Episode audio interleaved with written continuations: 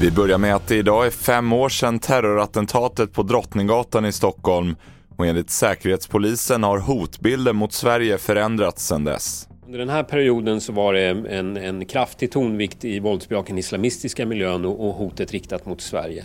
Idag har vi kvar ett, ett, ett fortsatt hög aktivitetsnivå i den våldsbejakande islamistiska miljön. Men den stora förändringen av, av hotbilden är att vi ser ett, ett ökat hot ifrån våldsbejakande högerextrema miljön. Det säger Fredrik Hallström, chef för kontraterrorism på Säpo. Och med anledning av årsdagen hålls en minnesceremoni på Sergels torg för anhöriga till offren som kommer att sändas på TV4 Play med start nu klockan 10. En person har gripits misstänkt för försök till mord alternativt dråp i Upplandsbro norr om Stockholm, det skriver polisen.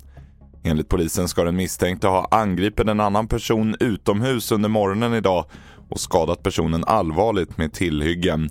Efter angreppet lämnade den misstänkte platsen i bil men kunde snabbt hittas och gripas. Brottsplatsen är avspärrad och polisen förhör nu vittnen. Fler nyheter finns på tv4.se. Jag heter William Grönlund.